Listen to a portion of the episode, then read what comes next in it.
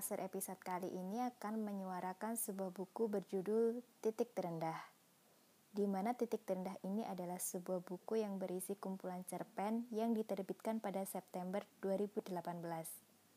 Nah, di episode ini, aku akan menyuarakan sebuah cerpen berjudul Kehidupan Setelah Resign, karangan Laili M. Octavia. Selamat mendengarkan.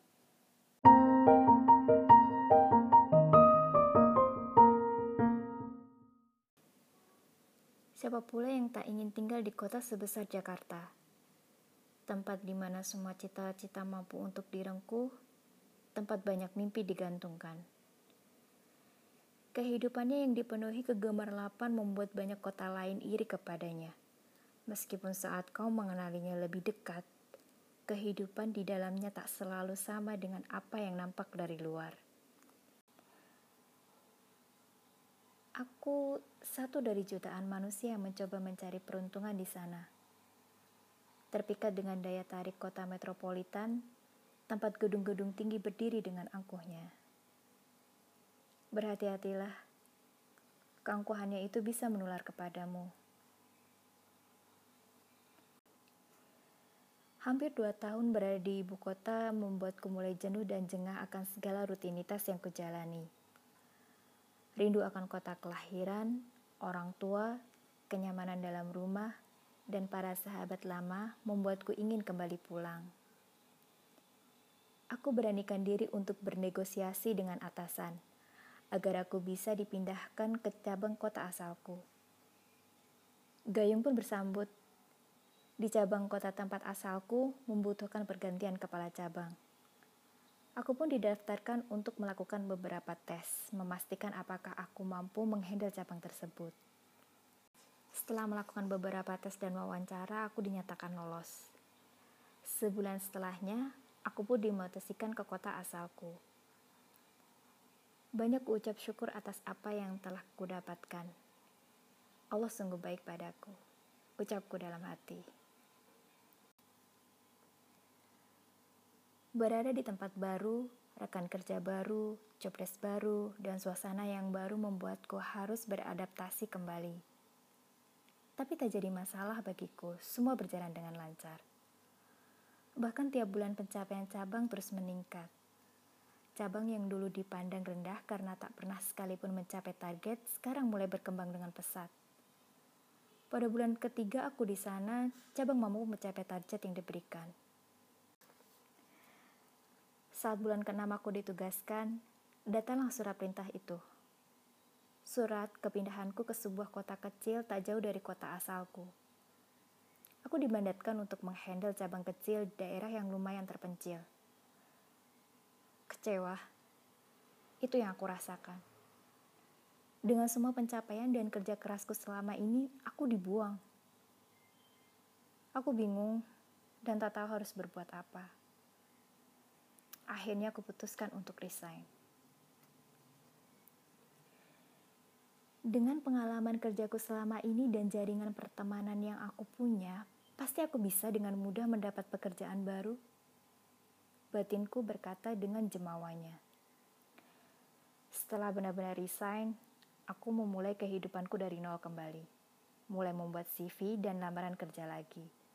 Di mana ada info tentang job fair, lowongan kerja, pelatihan kerja, aku datangi. Tak hanya itu, aku pun banyak mengirimkan lamaran kerja lewat email, Jobstreet, JobsDB, dan aplikasi-aplikasi lowongan kerja sejenisnya. Beberapa panggilan kerja pun mulai berdatangan. Dengan rasa percaya diri yang tinggi, aku menjawab semua pertanyaan yang diberikan interviewer. Mengerjakan dengan baik semua soal-soal tes yang diberikan dan pulang dengan harapan tinggi, memastikan diri bahwa aku pasti akan diterima. Ah, begitu angkuhnya diri ini.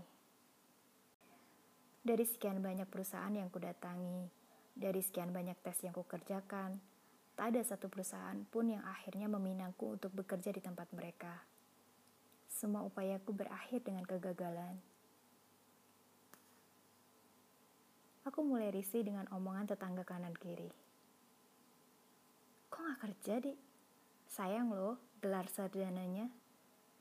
sarjana kok nganggur? Sayang banget keluar uang banyak buat kuliah kalau akhirnya nganggur juga. Dan omongan-omongan pedas lainnya.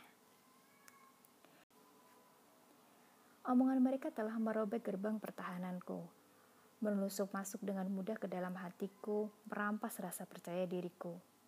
Aku tertekan, ditekan egoku sendiri.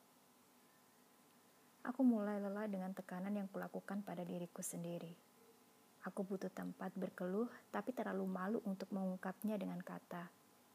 Dalam keadaan kalut, aku hanya mampu bersujud dalam tahajud mengadu kepada Sang Pencipta akan apa yang tak sesuai dengan harapanku. Ke mana lagi aku mengadu selain kepada Dia yang memberikan hidup? Tanpa sadar, aku mulai mendekati Allah untuk melakukan apa yang aku mau. Berani sekali aku ini. Mendekati Tuhan hanya karena dulu apa yang ku minta selalu ia berikan memaksanya untuk segera mengabulkan pintaku. Rupanya aku lupa caranya untuk bersyukur. Hingga akhirnya aku bertemu dengan sebuah ayat.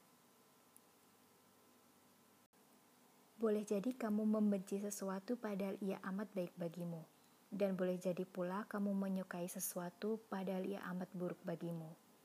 Allah mengetahui sedang kamu tidak mengetahui. Al-Quran Surat Al-Baqarah ayat 216 Dari ayat tersebut aku belajar banyak hal, bahwa apa yang ditakdirkan Allah adalah yang terbaik untukku. Aku mulai melihat sesuatu dari banyak sisi, tak hanya fokus di satu sisi saja.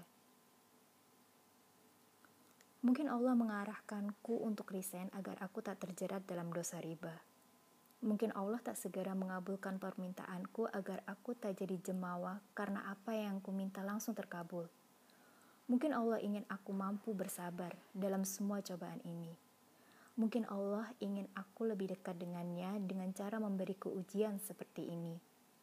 Aku yakin dengan apa yang dipilihkan Allah adalah yang terbaik.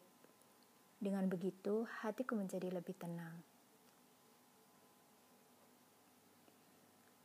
Walau sampai saat ini aku masih belum juga dapat kerja di kantoran, toh rejeki didapat tak hanya dari bekerja dalam instansi perusahaan.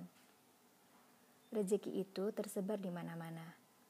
Tak perlu terlihat mewah dan wah, yang penting cukup dan berkah. Berkarya itu bisa di mana saja. Bumi Allah itu luas, kamu bisa bekerja dan terus berkaya sebuah kalimat dari Amin Rais.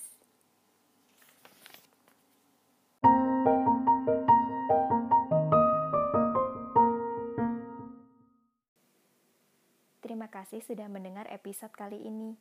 Sampai ketemu di lain episode teman-teman pendengar.